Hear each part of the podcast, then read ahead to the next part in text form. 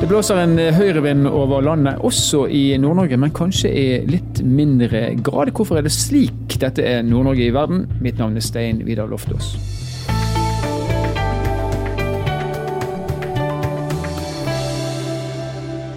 Vi har fått eh, storfint besøk i studioet vårt i dag. Jonas Stein, valgforsker. Vi har blitt vant til å se ham på TV. Nå er han her hos oss. Hjertelig velkommen, eh, Jonas. Takk skal du ha. Det er dagen etter valget, og du er kanskje lei av å snakke om valget allerede? Nei, altså For vi som holder på med valg, så er det her litt som julaften. Nå har vi fått eh, alle julegavene, og eh, så nå sitter vi bare og åpner opp. og eh, Vi har åpnet dem opp, og nå skal vi få lov til å leke med dem. Nå skal vi leke med resultatet. Det skal vi gjøre her på Nord-Norge i verden også. Og Høyrevind over landet, det var vi forberedt på. Men han ble kanskje litt mindre sterk i nord enn i resten av landet. Hvorfor det? Mm. Ja, det er jo litt artig, kanskje spesielt med, med Troms, da. Der hvor Arbeiderpartiet i de tre av de fire største kommunene faktisk har gjort det, går frem. Mens jeg går tilbake både i Tromsø, Harstad og i Målselv, så går Arbeiderpartiet frem. Eh, og det kan jo kanskje skyldes at man hadde profilerte eh, lokale kandidater med et lokalprogram som har klart å lykkes frem og motvirke kanskje den høyrevinden. Men vi ser hvis man ikke har hatt det, så har det jo gått eh, ganske ille ute for Arbeiderpartiet. Og Høyre kommer til å vinne, vinne Bodø og vinne rekke kommuner i Nordland. Og eh, i Finnmark så er det mye, mye action, for å si det sånn. Ja, rett og slett. Men det, det, nå kan man jo egentlig tenke at Arbeiderpartiet normalt sett har vært litt sånn eh, stammelojale, eh, partipisk-svingende parti. Mm. Eh, nå er det store forskjeller. De, de, kommunene som du nevner, de byene du nevner, hva er det slags saker som gjør at Arbeiderpartiet da fortsatt foretrekkes i Tromsø, i Narvik, i Harstad? Mm. Det er kanskje litt sammensatt, eh, men i, eh, altså, vi kan si det sånn at det store endringen er jo at venstresida generelt sett har endra karakter de siste ti årene. Det er blitt mer sammensatt, og derfor har også sosialdemokratiske partier blitt mindre. Eh, hvis vi tar en by som Tromsø, så er jo Tromsø egentlig ganske rød. Altså, hvis vi tenker siden 1999, så er det kun fireårsperioden med Jens Johan Hjort at det har vært Høyre-ordfører i Tromsø. Ellers har det vært Arbeiderpartiet, og Rødt og SV har til dels gjort svært gode valg i Tromsø. Sånn at eh, det at Arbeiderpartiet klarer å samle liksom litt rød blokk i, i, Tromsø, eh, med å være en tydelig leder, kanskje, som Gunnar Wilhelmsen har klart å være, og også hadde en veldig god sak i den bompengesaken, paradoksalt nok. Fordi at vi har meningsmålinger som, eh, som viser at et klart flertall er for bompenger og for bypakken. Og eh, sjøl om det er sikkert mange som ikke liker å betale det, så ser man at man trenger det for at byen skal vokse og utvikle seg, og få gjort de investeringene som trengs i samferdsel. Er det det, er det det, som er prosjektet til Wilhelmsen? Er det det han har, på sett og vis har vunnet valget på? Han har vel flere prosjekter enn det. Han har prøvd å lage prosjekt som skaper kanskje litt mer entusiasme. Men jeg tror den bypakken appellerer til en del litt moderate lilla-velgere. Ja. Eh, men så har han jo dyrka en sosial profil, og så har han Eh, prøvd å løfte inn idretten som en viktig eh, satsingsområde. Der han ha høy troverdighet som tidligere styreleder for TIL. Eh, og også Salte kulturkvartalet som en viktig satsingsområde. Så han har på en måte vist sånn stor vilje for å jobbe for de store utviklingsprosjektene i Tromsø. Og klart å samle koalisjonen sin bak det. Ja, her snakker vi om prosjekter han skal levere i sterkere grad enn prosjekter han, han har levert, men, men, likevel en ganske tydelig, en tydelig retning der for Wilhelmsen. Men Prosjektet til uh, Wilhelmsen og Arbeiderpartiet er redegjort for. Hvis vi går til Bodø, da. Mm. Hva var prosjektet til Ingebrigtsen som gjorde et brakvalg, må man kunne si? Høyre gjorde et kjempevalg i, i eh, Bodø. Uh, Odd Emil Ingebrigtsen, tidligere fiskeriminister, også profilert næringslivsmann i Bodø. Han har vel kanskje eh, klart å vri på den eh, si, nasjonale høyrevinden, samtidig som han har tatt eierskap til en del av de store utviklingsprosjektene i Bodø.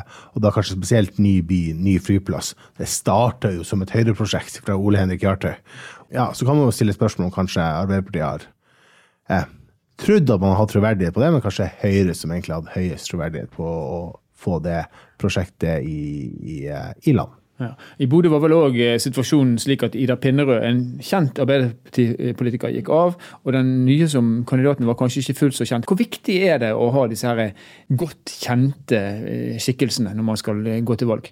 klart at i et lokalvalg så stemmer man jo også på person. Ja. Ikke sant? Så en kombinasjon av person og sak. Eh, og det er jo helt rett som du sier, altså Ida Pinnerød var veldig profilert. Ordfører i åtte år for Arbeiderpartiet. Og hun gikk av. Um, jeg vet ikke om det var Det var i hvert fall kanskje ikke for Arbeiderpartiet var helt planlagt. Og så får man opp da en som har en eh, jeg skal ikke si hun var backbencher, men altså en, en som har vært med et del år i kommunestyret, men kanskje ikke var like profilert. da. Og så Silje Høyre på motsatt side med Ademil Ingebrigtsen, som er Som alle kjenner. Alle i Bodø kjenner han. Bodø er entusiast og type vil løfte Bodø og de store prosjektene. Og, og sett på som en, en, god ambassadør. For det er jo en del av ordførerrollen også, det å være liksom litt borgermester for, for byen. Og hvis man klarer det, så har man jo skutt gullfuglen. Ja. Og så er det mye action i Finnmark, eh, og du har vært inne på allerede. Hvis vi går til Finnmarks største by, Alta, så er det Frp som eh, er den store vinneren. Hva er det som skiller eh, Alta fra resten av Nord-Norge, i og med at de gjør et sånt valg? Det er jo Frp og Nordkalottfolket var det vel som, mm. som var de store der. Ja, Alta er jo litt interessant, for Alta har jo Det har vært lang, flere over tid har vært konflikt mellom Alta og resten av Finnmark, kanskje Alta. og Det har vært snakk om sykehusstriden, som du fikk i Pasientfokus inn. Eh, det er snakk om type hvor videregående skole skal ligge, og veldig mye lo lokaliseringsdebatter. Eh, og mange av de andre partiene har jo nesten ikke hatt Alta-kandidater på lista si. Mm. Så eh, betent har, den, har de her sakene vært. Og Frp har jo hatt høy troverdighet over tid, og hadde vel egentlig ordføreren i 2015 før en person hoppa over fra Frp til Arbeiderpartiet på det konstituerende møtet. Eh, sånn at det er kanskje ikke så overraskende at de gjør et eh, godt valg når de blir løfta av nasjonale trender og har en, et godt lokallag. Så er det, som vi allerede har illustrert, det er store forskjeller. Altså, vi er i samme landsdelen, men vi ser at det varierer fra eh, si, ytterste høyre til ytterste venstre side. Hvor viktig i 2023, hvor viktig er politisk ideologi i et lokalvalg? Det er jo ofte mindre ting. Altså, ofte så er jo lokalvalget um, Hvis du er en liten kommune, så, så, handler det jo egentlig mest om hvordan skal du klare å få drifta tjenestene dine. Ikke sant? Altså, det er høyt press på kommunen. Du har kanskje ikke tid og rom til å drive ideologi, liksom. Eh, og kanskje en del spørsmål er ikke så relevant. altså vi kan si at i store byer skal bestemor være på anbud eller ikke. I, uh, I, små kommuner så er kanskje spørsmålet klarer vi helt tatt å drifte hjemmetjenester. og det finnes ikke et kommersielt marked for de som vil. Så det er en ikke-problemstilling. Andre steder så er det nesten du har noen partilapper, men de i realiteten så, så skjuler de geografiske forskjeller. Ja. Vi har på, på Karlsøy her ute så har du ei Vanøya-liste og ei Karlsøy-liste og ei som heter Fellesliste. Revenesøy og Ringvassøy og, og Reidøya. Ja. Så, så, jo større forholdene er, jo mer nærmer vi oss ideologi, og jo mindre forholdene er, jo mer sak og kanskje person er det som, ja. som preger. Så I by som, by som Tromsø så har du en del, god del bevisst, ganske bevisste ideologiske velgere som vil stemme på det partiet de stemmer på. Ja. Ikke nødvendigvis fordi de setter seg så mye inn i lokale forhold i kommunen, men fordi at de er fra Rødt eller fra Venstre eller for ja, hva det skal være. Det blir nærmest som å være fotballsupporter. Uten at vi skal bore for mye i, i akkurat det. Du, vi skal holde oss litt i Finnmark. for en, en, annen tendens i Finnmark som eh, kanskje man kan si nå begynner å komme til overflaten, det er det som har med forholdet mellom eh, de som driver med reindrift, eh, og de som er generelle næringslivsaktører, hvis man kan si det på den måten. Vi ser det i eh, fremveksten av Nordkalottfolket, som man mm. kanskje kan tenke er en slags motkraft til mm. tradisjonelle mm. samiske interesser. Og man ser det kanskje enda mer spesielt i kommunen Lebesby der det var et massivt flertall for Arbeiderpartiet. Og, og Arbeiderpartiet, Arbeiderpartiet, og Høyre for så vidt. Ja. Men som da var for vindkraft mm. der oppe ser vi nå en motreaksjon mot de, si, de rettighetene som er knytta til etnisitet? Jeg vil si at um, altså, urfolkspolitikken er jo vært en av de store endringene i, um, i nord akkurat i de siste 20-30 åra. Starte med Sametinget, men også fått inn ILO-konvensjonen, og også kanskje viktig som man har ratifisert eh, FNs menneskerettighetserklæring. Det er det som legger til grunn for, for en Fosen-dommen, mm. der hvor reindrifta vinner frem mot et vindkraftanlegg, riktignok i Trøndelag. Så har man fått, også i Finnmark hatt en del eh, Man har fått inn Fefo som skal prøve å avklare retten til land og vann. Og man har fått inn eh, konsentrasjonsretten til Sametinget, også en viktig del. Så gir Sametinget en del innsigelsesmyndighet når det gjelder eh, flere plansaker i kommunene. Så du har fått mer og mer makt til Sametinget og samiske rettigheter. Og så får du jo har du hatt en viss protest, men det har egentlig vært bred konsensus også i samepolitikken. Men så har du fått inn det her Nordkalottfolket, som starter i samepolitikken med å si at vi er nordmenn, kvener, samer. Vi er ett folk, vi må leve sammen, og ingen gruppe kan ha mer rettigheter enn andre. Og de har gradvis bygd seg opp gjennom Sametinget, ble nest største parti i Sametinget nasjonalt i 2021. Og da gjorde de det svært godt i Kyst-Finnmark. Og det er det vi ser nå også, at de har gjort et svært godt valg. Fylkestinget har de nesten 30% fra Alta. 30% 27 i Hammerfest, så gjør det og da plutselig det nest største parti i, i Finnmark. Primært må hente stemmer fra kysten i Finnmark.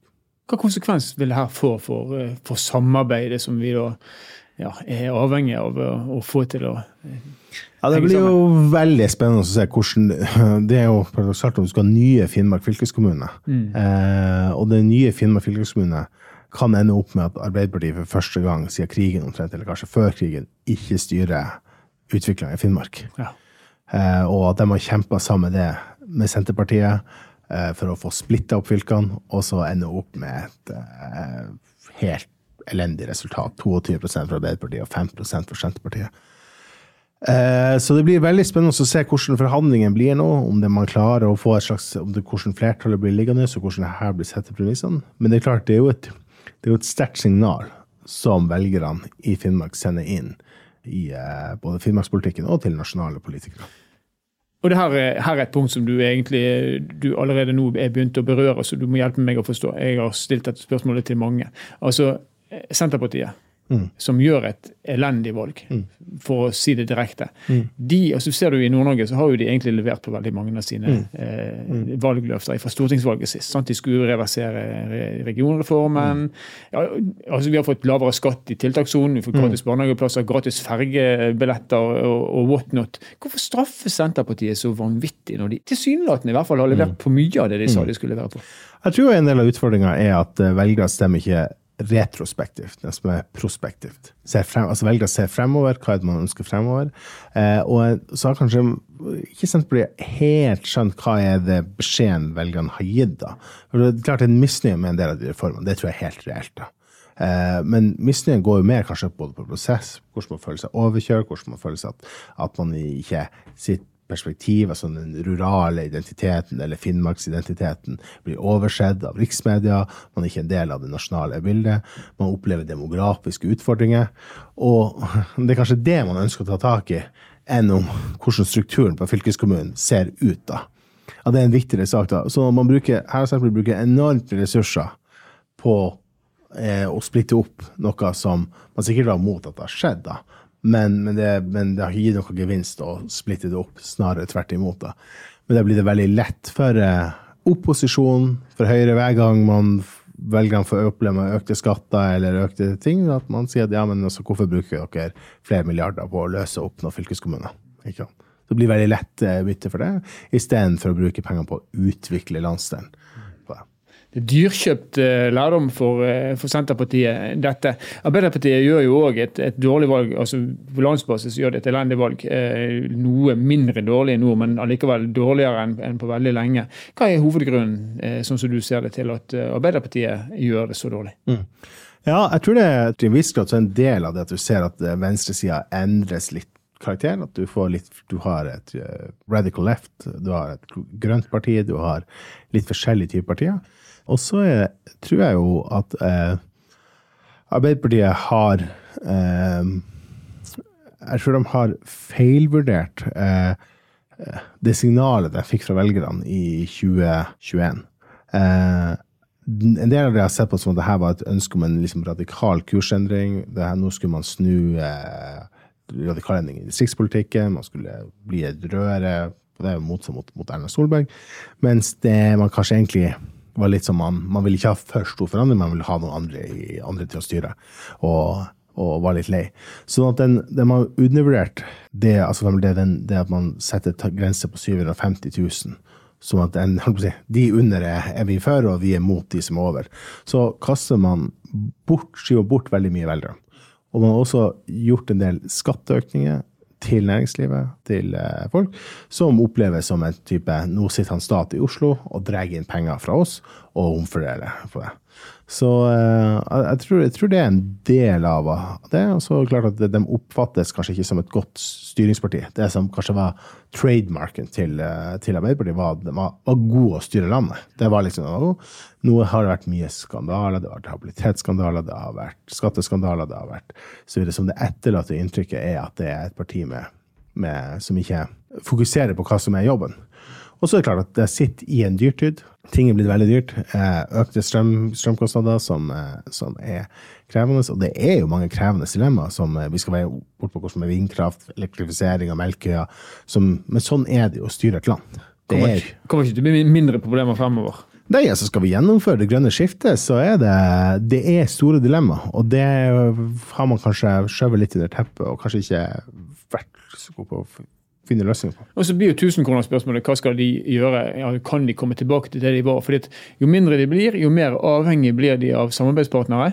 Og samarbeidspartnerne de vanner ut Arbeiderpartiet sin politikk, mm. sånn at de i mindre grad blir til å kjenne igjen. Hva er veien tilbake for et sterkt Arbeiderparti? Jeg tror Arbeiderpartiet må finne sin rolle i, eh, i eh, si, et nytt politisk landskap. Uh, Istedenfor å drømme seg tilbake til at man skal være 40 så må man si at ok, kanskje vi er vi et parti på 25 uh, Men vi er kanskje det moderate styringspartiet på venstresida.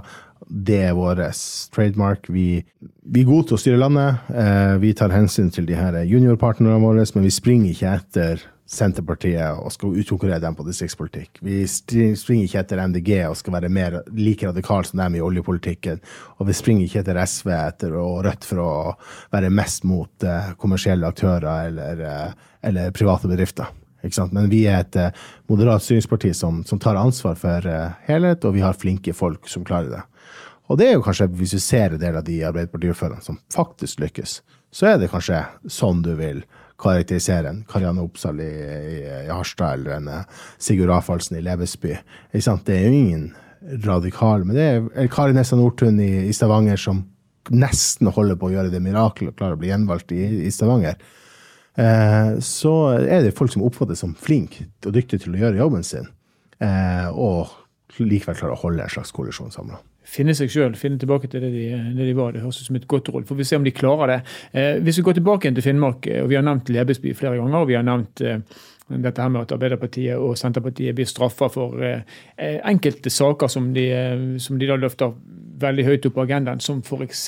Melkøya-saken. Elektrifiseringen av Melkøya. Nå er det jo eh, paradoksalt nok slik at gjennom at Høyre og Arbeiderpartiet har fått eh, den tilliten de har fått i Lebesby, mm. så vil vi kunne realisere vi tror vi i hvert fall, stor, et stort vindkraftverk der oppe. Som vil føre til at uh, Melkøya kanskje får den kraften de trenger, uten mm. at det går utover resten av Norge. Mm. Arbeiderpartiet og Senterpartiet, var det lurt det de gjorde, eller var det dumt det de gjorde? Ja, du kan jo si at Det var jo et, si, et, et, et skjebnevalg i Lebesby, og det var jo eh, frama inn av motstanderne som at her skal slaget, nå skal eh, kjeppene stikkes i hjula for elektrifisering av Melkøya. Eh, men så er jo det stikk motsatte som skjer. Altså, Sigurd Rafelsen får 55% og Høyre, som også er for vindkraft, får 20% Så tre av fire i Lebesby har jo mer eller mindre sagt ja til vindkraftverket. Eh, det er klart det er ikke ferdig skåra mål, jo, og da kommer igjen spørsmålet om samiske rettigheter, hvordan det påvirker reindrifta, vil måtte være en del av de her eh, prosessene. Det kan kanskje være en lærdom til, til politikere at det ikke alltid at når det er noen protestgrupper som roper veldig høyt, at de representerer flertallet. Det er et uttrykk som heter det, det silent majority, eh, som, som, ofte har vist seg å, å vinne valg i, i politiske systemer. Og mens Arbeiderpartiet må finne tilbake til seg sjøl, eh, så har de gjort det godt i Tromsø. Og den høyrevinden som har prega hele Norge, den preger ikke Tromsø. Hvis du skal se det fra den andre siden, hva gjorde Anne Berit Figenschou galt? Mm. Siden hun ikke klarte å, å, å, ri på den blå bølgen? Nei, det er jo flere ting. Altså, det er jo et um, altså, Der hvor bompengene kanskje var en god sak for, uh, for Arbeiderpartiet, så viste det å være en veldig krevende sak for, uh, for Høyre. Eh, en ting er at Høyre internt har hatt sine utfordringer med det, eh, hvordan, og kanskje kanskje tidligere burde avklart hvor, hvor er det egentlig man, man står, og vært litt sånn frem og tilbake. Og så ikke minst har du hatt Frp på den andre sida, som har vært eh, stilt ultimatum på det. Så det gjør at kanskje en del velgere har vært usikre på hva får du hvis du, hvis du eh, stemmer på det. Så litt omkamper har kanskje velgerne lyst til, men etter hvert så blir velgerne lei av omkamper. Og i Tromsø så tror jeg vi kommer til et punkt der hvor man har, eh, man har nådd det når det gjelder veldig mye samferdselssaker. Eh, og så tror jeg det er jo, det er jo også utfordrende når du har en, eh, en, en, ordfører som er relativt populær, eh, og da på en måte får lagd et godt politisk alternativ til å eh, finne ut hvilke angrepspunkter skal man, eh, man, kjøre på det, og ha en, ha en, en strategi for, for, det, og vise hvordan, hvordan er den politiske planen for, for, Tromsø. Hva skal man ta videre, og hva blir, hva blir forskjellig med, med oss? da? Og Høyre de har eh, nå fått et eh, ja, de har fått skikkelig medvind inn imot stortingsvalget om to mm. år. Hva skal Høyre gjøre i stort, sånn som du ser det, for at ikke de skal møte motbør før mm. vi kommer til stortingsvalget 2025? Mm. Er, det en, er det en ren hjemmeseier og ferdig, ferdig skåra mål? Nei, det er, det, er, det er, jo ikke ferdig, ferdig skåra mål. Og, eh, og det er jo det er jo to år er lang tid i politikken. Mye kan endre seg. Altså, vi, vi, kan huske tilbake til 2007, der hvor Høyre gjorde et ganske godt kommunevalg, men der hvor Stoltenberg var ganske ikke si upopulær, men gjorde et svakt resultat. Men jeg klarte likevel å mobilisere og vinne 2009-valget, fordi at Stoltenberg håndterte finanskrisen så godt som han gjorde. Eh, så, eh, så, det er jo si, Høyre er nødt til å kanskje, både vise hvordan man har forskjellige alternativer til Støre-regjeringa, men også hvordan man kan klare å få til et borgerlig samarbeid som ikke blir for sprikende. Altså, vi kan si at Lærdommen også fra, fra Tromsø er det at hvis du ikke har et alternativ som snakker sammen, så er det vanskelig å ha et, uh, ha et alternativ til uh, de som styrer. Uh, så det blir jo um, en av de, de, viktige tingene, å utmeisle et prosjekt. Hva er prosjektet for den andre perioden med Erna Solberg. For nå, nå går hun for en runde to, det er ikke noe tvil om. Det blir jo interessant å se hvordan Arbeiderpartiet og Senterpartiet kommer til å svare på det her. Ja. Eh, det jo rasles jo allerede. Nå er vi jo knapt nok eh, kommet oss over valgnatta. Eh, det begynner å rasles igjen, og jeg tror Støre er nødt til å prøve å få til en del ganske en, tydelige endringer på sitt regjeringsprosjekt. Nødt til å sette ned noen påler med Senterpartiet på er, hvor mange omkamper skal man få lov til å ta. Eh, og så er jeg kanskje nødt til å, å, være litt mer kynisk med laget sitt. Er at eh, det her blir litt som at når, hvis du har spilt en elendig førsteomgang, så kan det hende at, velger, altså at treneren er nødt til å bytte ut et par spillere. Eh, selv om det føles kjipt for de spillerne som det gjelder, så er det nødt til å være litt, eh, litt hard. Eh, nå har jo alle byttene skjedd fordi at de har blitt skada, eller skada seg sjøl, eller skada hverandre, eller hvor, altså, Jeg vet ikke hvilken metafor man skal bruke, eh, men kanskje det har vært godt å se på hvordan, hvordan kan man få inn noe nytt blod, hvordan kan man få inn noen folk som kan eh, gi et løft. Eh, og det kan også være med å få en erfaring med den type toppledelse som det er å være minister. Eh, og, eh, og man, hvordan skal man håndtere de store, tunge prosjektene for Norge i, i tida som kommer fremover.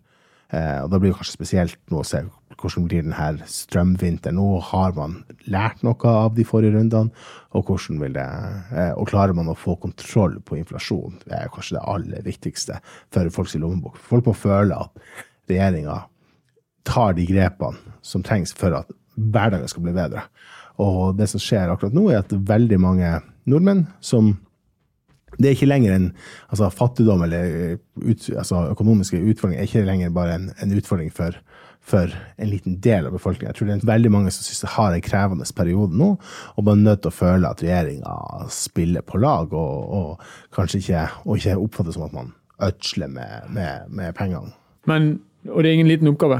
De skal i ferd med De har, ikke, de har motvind på alle kanter, kan man kanskje si. Men du bruker metaforen om å bytte ut spillere i pausen. Så vet vi jo det at etter kampene så er det jo ofte treneren som blir bytta ut. Mm. Vil vi se det, Risikerer vi å se nå at uh, Støre blir uh, satt på sidelinjen, eller setter seg sjøl på sidelinjen? Ja, at uh, styret, altså landsmøtet, velger å si at nå må han gå. Nei, det jeg tror, jeg tror også han har et for Det er jo ingen hva, hva skulle alternativet vært? Jeg stilte meg spørsmålet altså, måtte liksom Gud forby altså, at det skjedde en forferdelig ulykke med Støre. Altså, hva hadde skjedd? da? Hvem hadde tatt over? Det, er ikke, det er ikke gitt at du har, har noen av to nestledere som har De har ingen erfaring fra Stortinget. De har to år i rikspolitikken, begge to. Og en av de har hatt habilitetsrot rundt seg i tillegg. Ja, i tillegg, ja. Sånn at eh, Vanligvis så er det jo hvis, eh, hvis en eh, sjef må gå, så er det nestlederen som tar over, mens her er det ikke gitt. da. Jeg, jeg, tror fort Huitfeldt hadde tatt over. ikke sant? Så det er jo det som er, er, er utfordringa. De som var kronprinsen og kronprinsessa, de jo, ble uvenner. Nå er begge ute av det, det gode selskap. Eh, Så det er jo også en del av historien om Arbeiderpartiet. Eh, Jonas, En annen ting som jeg har lurt litt på, og som svært mange har, um, har snakket om, det er disse valgomatene. Altså, Man leser ikke partiprogrammene lenger. Man tar valgomaten til eh, Aftenposten, eller til Nordlys, eller til NRK, eller til, til TV 2. Vet vi noe om hvor stor grad valgomatene påvirker resultatene på valget? Mm, det er vel KrF som er kjent for at de er så, de er så misfornøyd for at de ikke gjør det. For Det er så mange som får KrF, og så går, de ikke, går, går, det, går det nedover. Eh, jeg tror vel folk kanskje bruker det litt som bekreftelse, og så er det kanskje noen som tenker det her Å ja, fikk jeg det her? Ja, ja, det blir litt nysgjerrig på å teste ut og følge litt med i debatten, så kanskje det liksom bidrar for at noen eh, åpner opp. Men, men jeg tror det er mest for gøy da, at folk gjør det. Eh, men eh, ja, Nei, alle, sa alle gjør det jo. Det er jo Ja, alle gjør det. Vet, vet vi noe om hvor nøyaktig de er? For det er jo, det er jo altså, Skal man være skikkelig eh, paranoid, så er det jo en utmerket måte å jukse på, hvis man skulle ønske det. Eh, Ja da, og det er jo heldigvis er det jo konkurranse, da. Sånn at NRK har sin, Aftenposten har sin, og Nordlys har sin. Så du, hvis, du, eh, hvis du føler du får feil svar et sted, så kan du prøve en annen. en annen. Men, men det er klart, det er jo sikkert litt artig å sjekke hvordan det uten at jeg vet ikke om de vil si det, hvor, hvor mye de Hvor stor samsvar det er. Kan du kanskje sjekke med dem om hvor godt det gjenspeiler valgresultatet. Jeg har vel en mistanke om at det er en del um, ja, som kanskje har fått noen partier av dem. Og jeg bare sånn, Oi, det her var ikke riktig det svaret jeg ville ha. Ja, jeg vet om en. Han står, han står bak denne mikrofonen. Men nå tar vi en til. og så tenker jeg at vi kan si at uh, Hvis du får tilsendt en valgomat fra Truth Social, så skal du være skeptisk. det kan være et godt råd. Jonas, vi skal begynne å gå inn for landing. Eh, Jeg tenkte jeg skulle spørre deg til slutt. eh, Når du nå i retrospekt ser på alt, alt som har skjedd, er det noe i resultatene som har vært skikkelig overraskende for deg? Ja, altså eh, det, som, som vi er inne på, Nordkalottfolk at de gjorde det så bra. Det er overrasker. Jeg trodde kanskje 10% men altså 20 det er altså nesten det er ganske mye. Det at eh, INP, Industri- og Næringspartiet, klarte å, klarte å holde seg såpass godt inn, det overrasker meg litt. Jeg trodde den skulle falle litt mer. Eh, jeg tror den kommer til å slite en del, for det er mye uerfarne folk, og det kommer til å være mye frafall, det kommer til å bli mye konflikter og det. Og de burde nok hatt større klaring på sperregrensa hvis jeg skulle hatt på det, men, men det er klart at det blir noe å følge med på. Det blir jo et interessant tror jeg, sperregrensevalg mot eh, 2025. Mange rundt 4 Det er nå. mange rundt 4% og det er klart at både for Rødt og MDG og KrF så var det her et eh, nok et dårlig valg, som kanskje var et hakk under. Og det blir litt sånn, nå blir det litt sånn skyggenes dal for dem alle sammen. Eh, og miste mye profiler eh, som de hadde i byrådet eller hadde rundt omkring i landet. Er det bra eller dårlig for Norge at eh, vi får en konsolidering? At eh, småpartiene kanskje får mindre makt?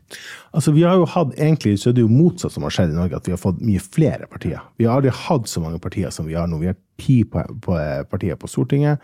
Eh, og er trenden med et mer fragmentert politisk landskap. Er jo en ting vi ser i veldig mange andre land. Nederland så er det vel knapt kan være inne 14 partier i parlamentet nå sist.